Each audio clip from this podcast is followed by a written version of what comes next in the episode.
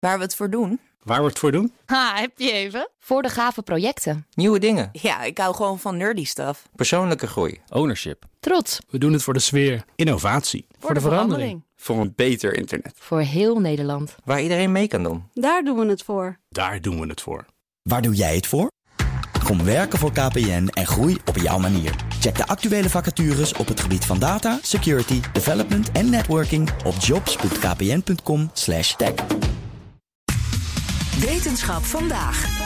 In de vorige aflevering van de zomerserie hoorden we alles over het gedrag van bijen. Was super interessant. Zeker terugluisteren als je hem niet gehoord hebt. Dit keer gaan we ietsje dichter naar huis. Want hoe zit het met het emotionele leven van de mensaap? Ik geloof dat ik gemiddeld gezien wel bijen dichter bij huis heb, Carlijn Meinders, dan mensapen. Hadden we het gisteren over, hè, bijen. Maar Carlijn, het lijkt me wel een heel leuk onderwerp om onderzoek naar te doen. De mensaap. Nou, ik weet er helemaal ook. niks van. Ja, eh, nou, wie hier dagelijks mee bezig mag zijn, zou ik willen zeggen, is onderzoeker Mariska Kret. Ze is als psycholoog de biologie ingerold eigenlijk. En is vooral gaan kijken naar de verschillen tussen apen en mensen. En dan op het gebied van emoties. Dus hebben apen emoties? Herkennen ze die in elkaar? En hoe verhoudt zich dat dan tot de mens? Nou, krijgt ze bij het beantwoorden van die vragen tegenwoordig hulp van een heleboel nieuwe techniek. Dus denk aan eh, nou ja, computer touchscreens. Nou, dat is natuurlijk niet super nieuw. Maar je hebt wel ook bijvoorbeeld eh, speciale camera's waarmee je warmte kunt meten. Zonder dat een dier daar last van heeft. En die warmte kun je dan weer omzet, omzetten in signalen zoals hartslag. Wat inzicht geeft in, in opwinding. Dus ja, op, op een manier waar het dier er niet last van heeft, kun je moderne technieken inzetten om meer inzicht te krijgen in die emotionele processen. Virtual reality is nog een ander voorbeeld. Uh, daar ben ik met mensen al wel een paar jaar mee bezig.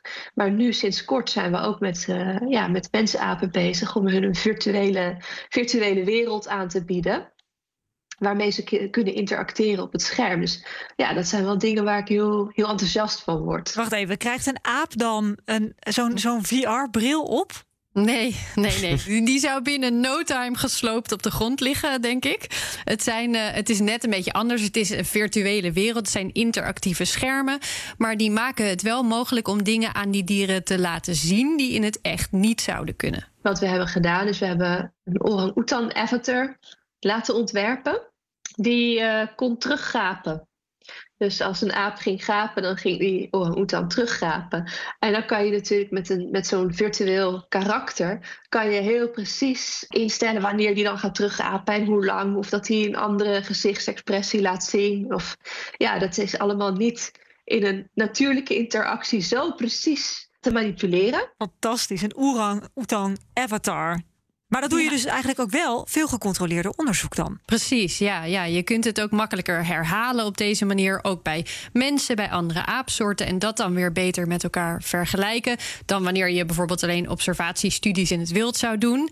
Eh, nog een eh, voordeel, noemde Kret, is dat die schermen ook helpen om de dieren in dierentuinen uit te dagen en bezig te houden. Er is uit onderzoek al gebleken dat als ze die spannende dingen op computers mogen doen, dat een positief effect heeft op de stemming van de dieren en ook op hoe ze zich gedragen naar andere dieren toe. Ja, dus eigenlijk gewoon dat ze zich wat minder vervelen. Omdat ze gewoon echt ineens een doel hebben op zo'n dag. Dat zegt ook al iets over Ja, de slimheid, toch? Van zo'n dier. Uitgedaagd worden, ja, zeker. Ja, ja, ja. Lijkt me op zich nog steeds niet makkelijk om dieren eigenlijk mee te nemen in een experiment met computers. Nee, nee, dat, dat zei zij ook al hoor. Je kunt heel moeilijk voorspellen hoe het gaat lopen. Dan denk je, oh ja, nou, dan gaan ze dan dat doen en dan dat doen. En dan dat. En dan snappen ze het, wat je wil. maar het loopt gewoon eigenlijk bijna altijd anders. En eh, ja, je bedenkt, oké, de aap die moet dan een stip aanraken. Maar die aap die besluit om te swipen. of, ja, of hij raakt het scherm helemaal niet aan. En dan hebben we er appelstroop op gesmeerd. En op een gegeven moment had hij door, oh, dat is wat jullie willen. Oké, nou dan snap ik het nu. En dan ga ik het gewoon nu doen. Het is, eh, ja, elke keer sta je weer voor, eh, voor verrassingen. En eh, de, de individuele verschillen zijn ook zo enorm groot. Dat, dat speelt een hele grote rol in het, in het onderzoek. Wat een superleuke baan moet dat zijn. Ja, je moet wel geduldig zijn, denk ik. Maar heel leuk. ja. Ja, dat denk ik ook. Wat voor experimenten hebben ze nog meer gedaan?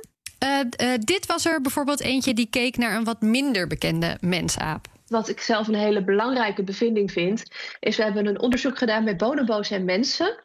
in hoe zij reageren op de emoties van, uh, van soortgenoten. En die soortgenoten waren dan bekende groepsgenoten of onbekende. Dus nou ja, bij Bonobo's was het dan gewoon de, waren het de, ja, de groepsgenoten die in, dezelfde groep leefden, of bonobo's uit andere dierentuinen. En bij mensen, dat waren bezoekers van, uh, van Apenhul, die nou ja, doorgaans met hun familie of vrienden het park bezoeken. En die dan uh, uitingen van emotie van die mensen te zien kregen in de computertaak, of van andere bezoekers die ze niet kenden. Dus hadden we ook bekend en onbekend. En bleek dat, uh, dat mensen, dat hun, hun, aandacht gaat onmiddellijk naar de emoties van hun vrienden en familie toe. Maar bij bonobo's was het juist andersom. Bij bonobo's, die hadden ook veel meer aandacht voor emoties, maar dan vooral van de onbekenden.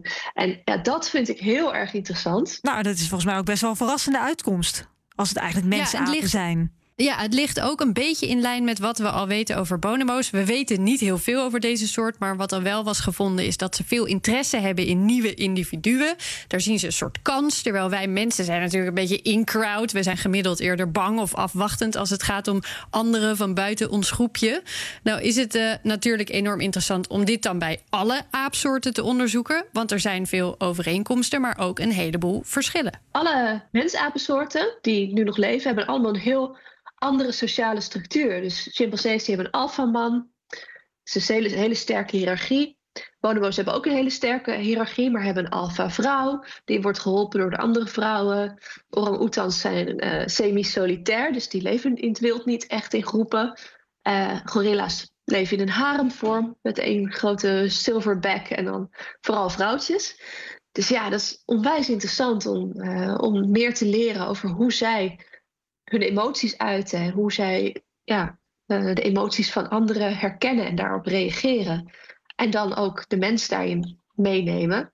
Ja, dat alles ook om meer inzicht te krijgen in, in waar onze emoties vandaan komen en hoe die te verklaren zijn.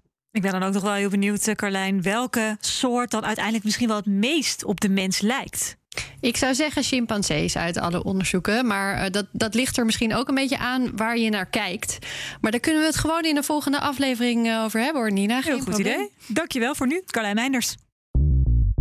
Bij BNR ben je altijd als eerste op de hoogte van het laatste nieuws. Luister dagelijks live via internet. Bas van Werven. En heel langzaam komt de zon op rond dit tijdstip. Je krijgt inzicht in de dag die komt op BNR, het Binnenhof in Nederland en de rest van de wereld. De Ochtendspits. Voor de beste start van je werkdag. Blijf scherp en mis niets.